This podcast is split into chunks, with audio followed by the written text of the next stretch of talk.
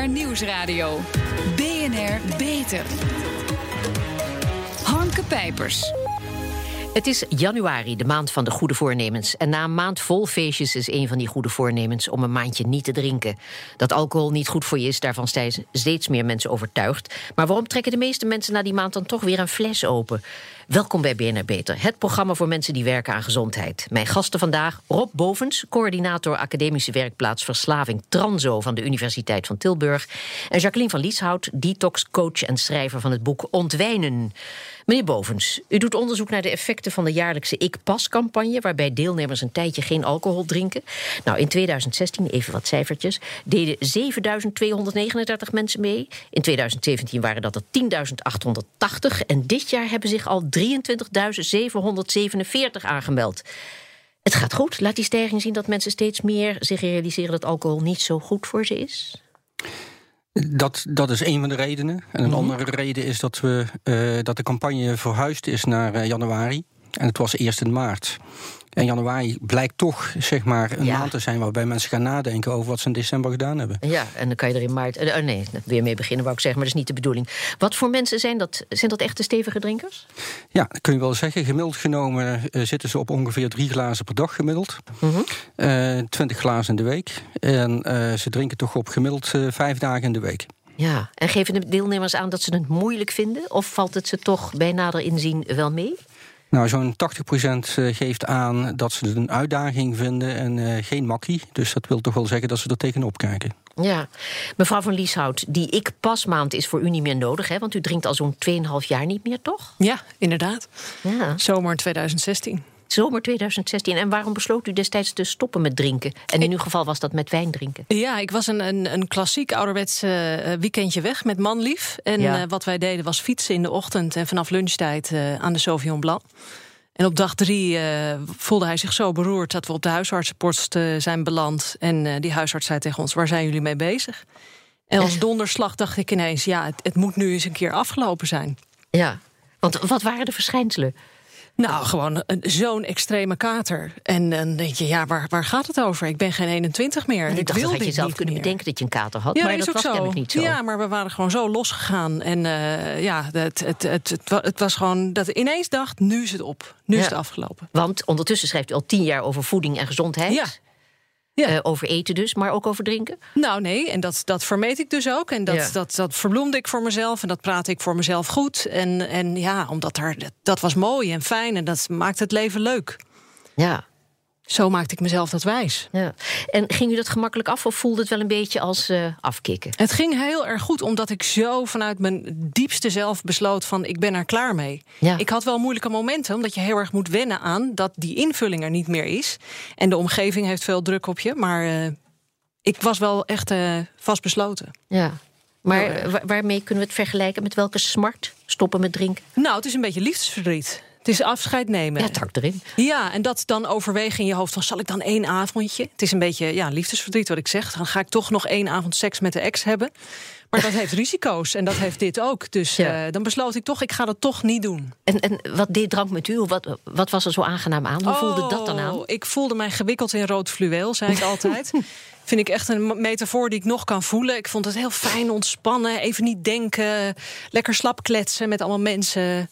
Ja, en kom maar door. Doorgaan, Ja. doorgaan. Maar goed, eh, dus heel veel zat er in die fles wijn. Eh, en, en nu u ermee gestopt bent, mist u het? Nee, nu echt al helemaal niet meer. In het begin wel, omdat je nieuwe invulling gaat geven aan je leven. Mhm. Maar ik ben nu eh, ontzettend blij. En ben sterker dan dat ik drie, vier jaar geleden was. Op ieder gebied. Meneer Bovens, we hebben toch lange tijd gehoord... een wijntje op zijn tijd kan helemaal geen kwaad. Of geniet, maar drink met mate. Maar zelfs af en toe een drankje is al schadelijk. Want ik begrijp dat zelfs eh, wanneer alcohol nu zou worden uitgevonden... dat het niet zou worden toegestaan met alle waarschijnlijkheid. Is het echt zo slecht? Ja, het is gewoon heel slecht. Het is gewoon Mhm. een, een, een giftig spul, zeg maar. Eh, en dat wordt eh, onderschat. En eh, een van de redenen die er is dat, dat mensen dus denken van het is gezond, Ja. is dat er ooit een onderzoek heeft plaatsgevonden ergens in de tachtiger jaren. Ja, ik weet het nog. Ja, en, en, en toen was het vrij logisch. Het, het, het, onderzoek leidde zeg maar, tot de conclusie dat één glas goed zou zijn voor je hart- en vaatsysteem. Ja. Eh, maar het was een heel beperkte onderzoeksgroep waar ze bij gekeken hebben. En wat ze Ja. helemaal vergeten zijn. En dat, dat is eigenlijk zeg maar, de grote fout die gemaakt is. Degene waarmee vergeleken werd, die dus op nul glazen zaten, dat waren mensen waar nogal wat eh, ex-verslaafden onder zaten. mensen die vanwege de dokter niet mochten drinken. Of eh, slechte gezondheid hadden. Of, of wat dan ook. Ja, ik weet nog dat ik daarin stonk dat ik echt dacht... ja, als ik één glaasje wijn drink, wat ik wel eens deed... dan voelde ik dat meteen in mijn been. Ik voelde mijn vaten uitzetten. Toen dacht ik, nou, die moeten wat leniger worden. Dus er moet meer drank in. Maar dat heb ik dus niet voor elkaar gekregen eigenlijk. Maar dat, dat was dan een van de voordelen. Hè? Je vaten zouden er soepeler van worden. Ja, je zou er iets soepeler van worden. We vergeten altijd dat er nog wel eh, nou, tegen de 200 andere ziektes zijn... Waar je, waar je echt problemen mee kunt krijgen. Dus je kunt het wel de hele tijd hebben over die hart en vaten. Ja. En, het, en, en een van de problemen natuurlijk met alcohol is... we worden er allemaal losser van. We Ja. worden eh, minder kritisch. Ja. En als je dan een glas eh, eh, achter de kiezen hebt... of twee glazen achter de kiezen hebt... dan heb je ooit altijd wel eens een keer ergens gehoord... dat het, niet goed, dat het wel goed is voor je om door te drinken. Ja. En je weet nooit meer al die onderzoeken voor, eh, voor je ogen te toveren... die zeggen, het is slecht voor je. Ja, u spreekt ook uit eigen ervaring? Ik spreek uit, uit eigen ervaring. Doe ja. maar, ja.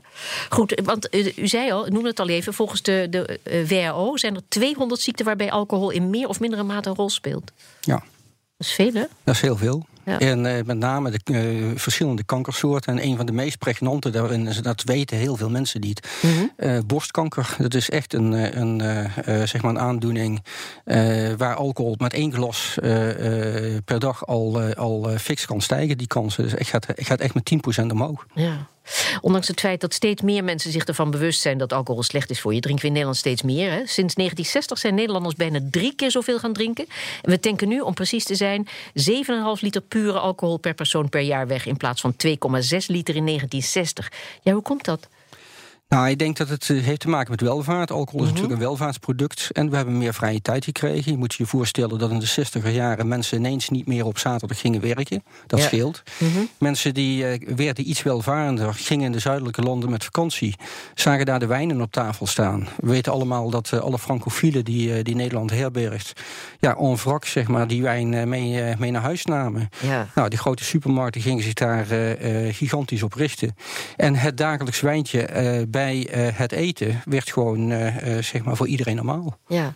Mevrouw van Lieshout, nog even. Laten we eh, ons aan u laven, aan uw welbevinden. Want eh, voelt u, zich, u voelt zich daadwerkelijk anders, dat heeft u al verteld... dan in de periode waarin u nog wel dronk. Maar wat zijn de, zeg maar, heel duidelijke resultaten? Nou, het meest opvallende is 20 kilo gewichtsverlies zonder dat ik daar enorme moeite voor heb gedaan. Geweldig. Eh, eh, en iets heel belangrijks is beter slapen. En wanneer je beter slaapt, valt er heel veel op zijn plek. Ja, maar die gewichtsverlies, dat gewichtsverlies is ook wel spectaculair. Dus want dat is Heel spectaculair. veel quinoa drinken en ondertussen aan de witte wijn blijven... dat heeft geen eh Ja, ja nee. quinoa dus- eten. Zei ik nou drinken? Nou ja, goed.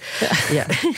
en wat zijn voor u andere belangrijke voordelen van het niet drinken? Nou ja, het, het begint eigenlijk heel erg bij dat slapen. Van als je beter slaapt, voel je je beter gedurende de dag. Je bent scherper, eh, je bent sterker, je hebt meer zin om te bewegen. eh, geen katertrek gedurende de dag. Ja. En pas als je er vanaf bent, eh, eh, ben je bewust, in mijn geval dan, van hoezeer het je bezig heeft gehouden. Ja, ja. Meneer Bovens, u drinkt zelfs zo nu en dan toch nog wat. Ook al weet u heel goed dat het slecht is. Waarom? Nou, het ligt eraan of eh, gezondheid je enige leidmotief in het leven is. Ja. En eh, dus dat, dat is eigenlijk waar eh, de meeste mensen zeg maar ook mee zitten. Het, is, het zijn natuurlijk ook positieve zaken die aan alcohol verbonden zijn. Althans, op zijn minst associaties die mensen daarmee hebben. Ja. Dat het gezellig is, het is smeerolie van de samenleving, et cetera. Maar bovendien, het is gewoon tussen je oren geramd door alle reclames die je, die je gezien hebt. Ja. Dat je kunt je klaarblijkelijk niet eh, amuseren als je niet van tevoren alcohol gedronken En hebt. dat geldt dus ook voor u? Nou ja, dat Ondanks betekent- al uw inzicht Eh, dat- en uw bezig, al mijn- bezigheden? Nee, dat klopt. Dus al mijn inzichten. En ik weet ook, eh, ik heb, las dus zeer regelmatig de ik-pas-periodes eh, in het jaar la- las ik in. Ja. Zeker als ik een aantal sportprestaties wil gaan leveren, bijvoorbeeld een halve marathon wil gaan lopen of wat dan ook. En voor de rest eh, is Mhm. En dat het scheelt dan heel matig. veel als u die halve marathon loopt dat- zonder die drank? Ja, ik heb, ik heb zelf ah, ik heb, de nodige persoonlijke recordjes gelopen zeg maar, in, die, in die periode. En het, wat het andere is, ik heb ook onderzoek gedaan naar de relatie tussen slapen en, eh, en alcohol. Ja. Ik heb mensen dagboeken laten invullen in de periode dat ze nog wel drinken. En dat vergeleken met in de periode dat ze niet drinken. En dan blijkt inderdaad, het heeft gewoon echt gigantisch veel invloed op de ruimslaap. Maar het blijft dus moeilijk. Ja.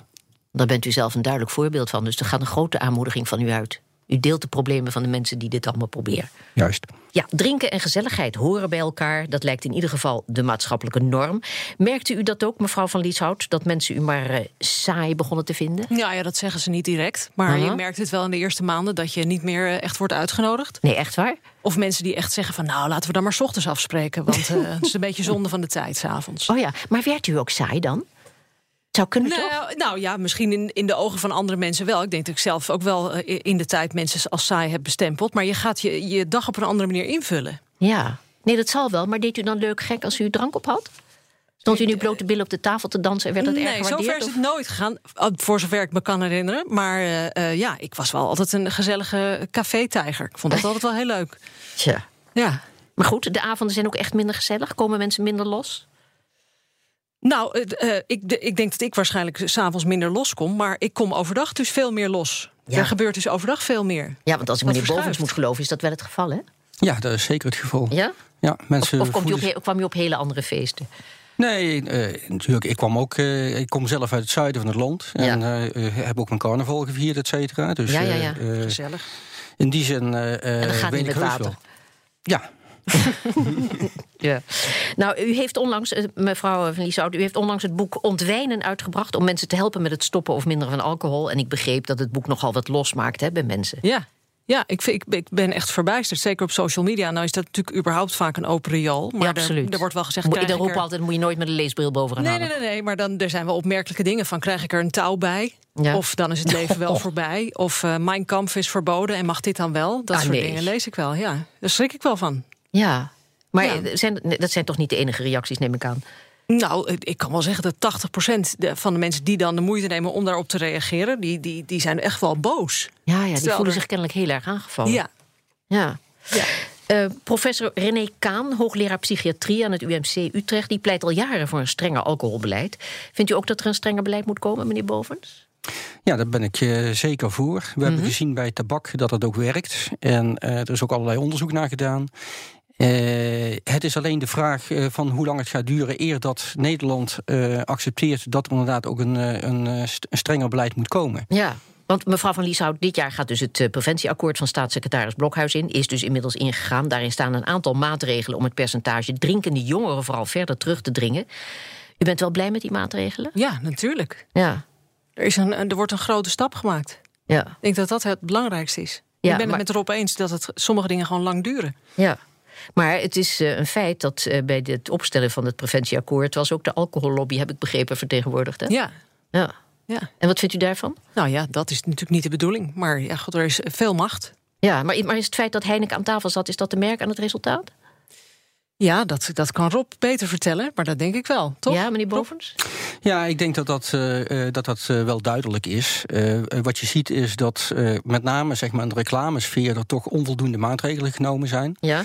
Eh, kijk, eh, het is zo dat als je naar tabak kijkt, is eh, tabaksreclame is gewoon helemaal verboden. In bioscopen, eh, waar Heeft een tijdje ook. geduurd. Maar u zegt, ja, ik denk dat het wel duidelijk is, maar mij is het helemaal niet duidelijk. Waaruit blijkt nu dat die alcohollobby een, een, een vinger in de pap had? Nou, wat, je, wat, je, wat je ziet is dat ehm, eh, met name zeg maar, op het reclameterrein... daar had iets moeten gebeuren. Waar Ja. het eigenlijk om gaat is dat er de 70 partijen die rond de tafel zitten op zo'n moment... Mhm. die zo'n preventieakkoord met elkaar aangaan... daar zijn er eigenlijk maar een, een paar van eh, die eh, zeg maar uit de gezondheidshoek komen... Ja. En, en er zijn er heel veel, want we hebben natuurlijk en de slijters en de supermarkten en eh, de brouwers en noem maar op, die daar tegenover zitten. En die moeten veren laten op het moment dat het over forse maatregelen gaat. Ja, en? Eh, en dan zie je dat met name zeg maar, de in de prijssfeer eh, er eh, eigenlijk helemaal niks afgesproken is, behalve dan het stunten met, met, met alcohol. Dat zou dan wat minder mogen. Ja. Maar wat je dan weer ziet is dat dat stunten met alcohol wel door de hele su- supermarkt verspreid al bij de deur bij wijze van spreken mag beginnen. Terwijl je normaal gesproken zeg maar in een supermarkt staat, ook in de drank- en horecawet, eh, het aanprijzen van, eh, van frisdrank en alcohol moet strikt gescheiden plaatsvinden. Dus er zijn ook verschillende schappen voor. Ja, ja. Waarom doe je dan ook al die reclames die over alcohol gaan, dus ook de stuntprijzen, Ja. niet alleen maar in het, eh, in het alcoholschap? ja. En er mocht meer gestunt worden met alcoholvrij vrij bier, hè? Ja. Ja. Dat, en, en, wat heeft dat voor schadelijk resultaat? Nou ja, kijk, het, het, het voordeel ervan is, hè, zou je denken inderdaad, dat als je het hebt over alcoholvrij bier, dan wordt er dus inderdaad minder alcohol gedronken. Maar mm -hmm. het is nog maar sterk de vraag of dat inderdaad zo is. Wat je ziet is dat dan toch uh, de reclames uh, en de naam uh, van, van de producent, die ook de alcoholhoudende dranken zeg maar, verstrekt, dat die toch in beeld is. Ja. En ja, het zijn ook dezelfde soort flesjes die, die je ziet. Ja, dus dat Ze zijn allebei leidt goed. alleen maar tot meer alcoholachtig gebruik. En dan Ja. is het stapje nog kleiner. Ja. Zeg maar, de politiek probeert mensen niet alleen te laten minderen... als het aan de VVD ligt en aan de VNG. Moet een drankje bij de kapper, de boekwinkel of kledingzaak gewoon kunnen. Dat heet blurren. Ja, ik vind het meer blunderen. Wat, wat vindt u beiden hiervan?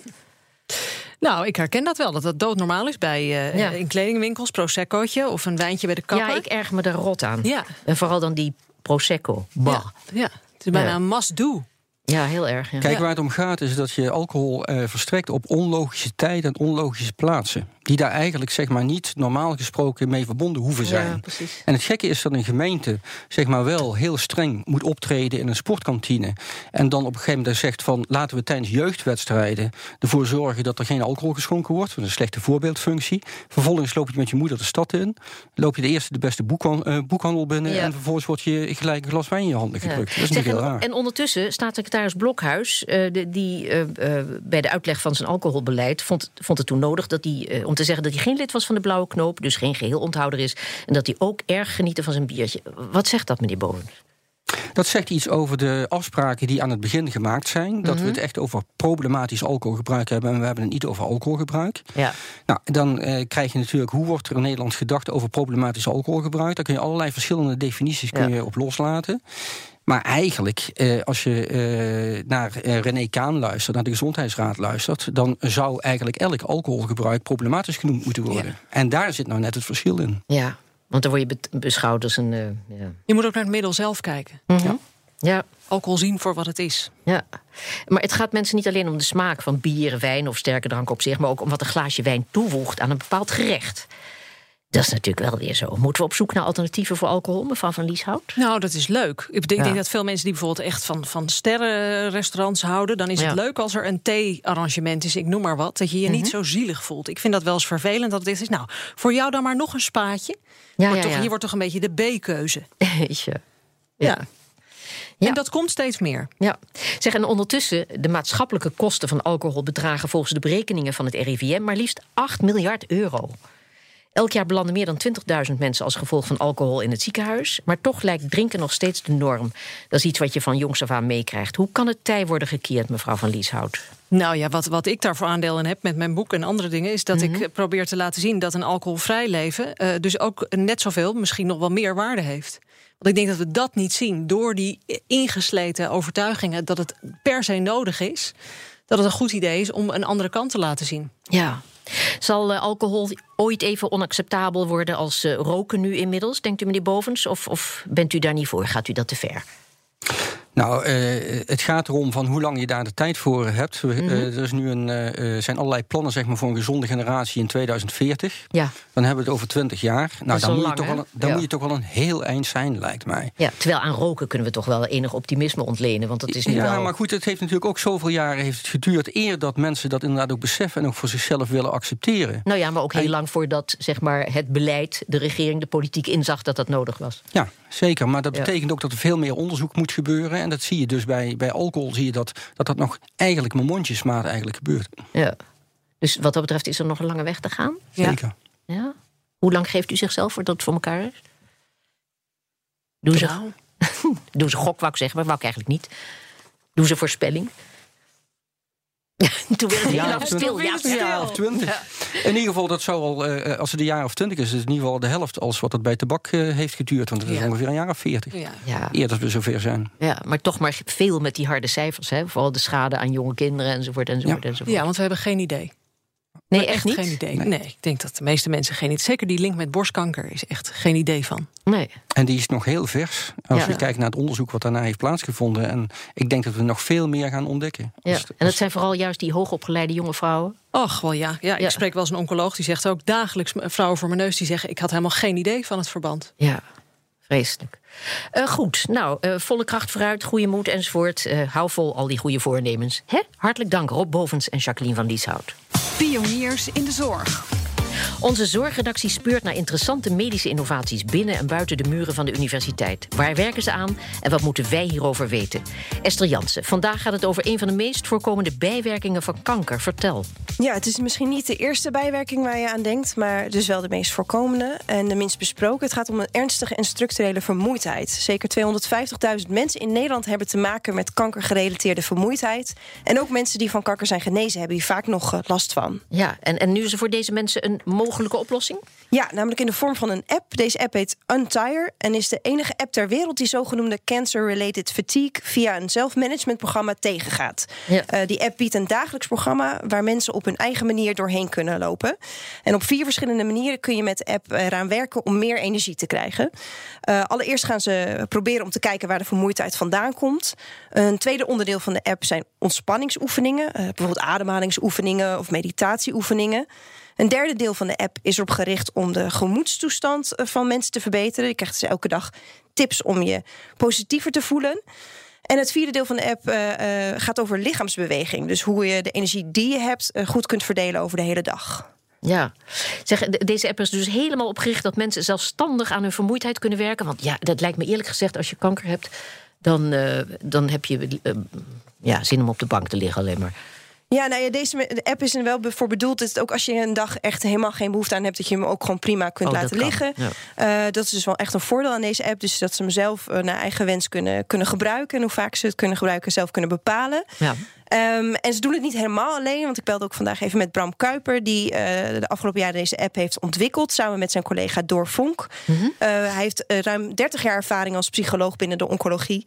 En hij vertelde mij dat de app dus niet alleen maar is gericht om het zelfstandig werken aan jezelf. We weten ook dat het wel kan helpen als iemand anders je een steuntje in de rug is. Dat kan bijvoorbeeld je verpleegkundige zijn of een arts zijn, maar het kan ook een, uh, je partner zijn, of een van je kinderen, of een vriend of een vriendin of een collega. Dus vanuit de app kan je buddies uitnodigen uh, om te vragen om je een tijdje te, te steunen, te motiveren, zeg maar. En daarnaast is er ook nog een besloten Facebookgroep voor gebruikers.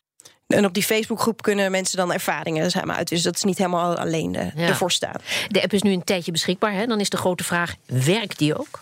Ja, er wordt nu wetenschappelijk onderzoek gedaan naar de resultaten van de app. En de eerste uh, inzichten daarvan geven aan dat het aantal, uh, aantal weken, in een aantal weken de vermoeidheid afneemt mm -hmm. en het geluk toeneemt.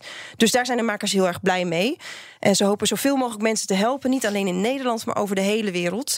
Ze hebben nu zo'n 7000 downloads en de makers willen komend jaar naar 100.000 downloads en binnen vijf jaar zelfs naar de miljoen in de hele wereld. Ja, en dat is ook nog belangrijk om erbij te vermelden dat de app gratis is, hè? Ja, ja Bram Kuiper vertelde mij dat er voor niemand een financiële eh, drempel zou moeten zijn om de app te gebruiken. Juist omdat de vermoeidheid bij kankerpatiënten zoveel voorkomt, maar ook uh, een van de meest onbesproken bijwerkingen is. Mm -hmm. En deze app moet mensen ook weer gevoel geven van, van erkenning, ze minder eenzaam laten voelen en ze dus nou ja, grip laten geven op hun, eh, op hun vermoeidheid. Dus ja. Untire heet die app. Ja, Untire dus. Sympathiek en effectvol. Esther Jansen, dank je wel. En tot zover deze uitzending van BNR Beter. Op bnr.nl slash beter is deze uitzending terug te luisteren of on demand via de BNR-app, Spotify of iTunes. En we zijn ook op Twitter te vinden onder BNR Lifestyle. Dus heeft u tips voor ons? Laat het ons vooral weten. Ik ben Harmke Pijpers. Graag tot een volgend spreekuur. BNR Beter wordt mede mogelijk gemaakt door Vereniging Innovatieve Geneesmiddelen. Wij werken vandaag aan de medicijnen van morgen.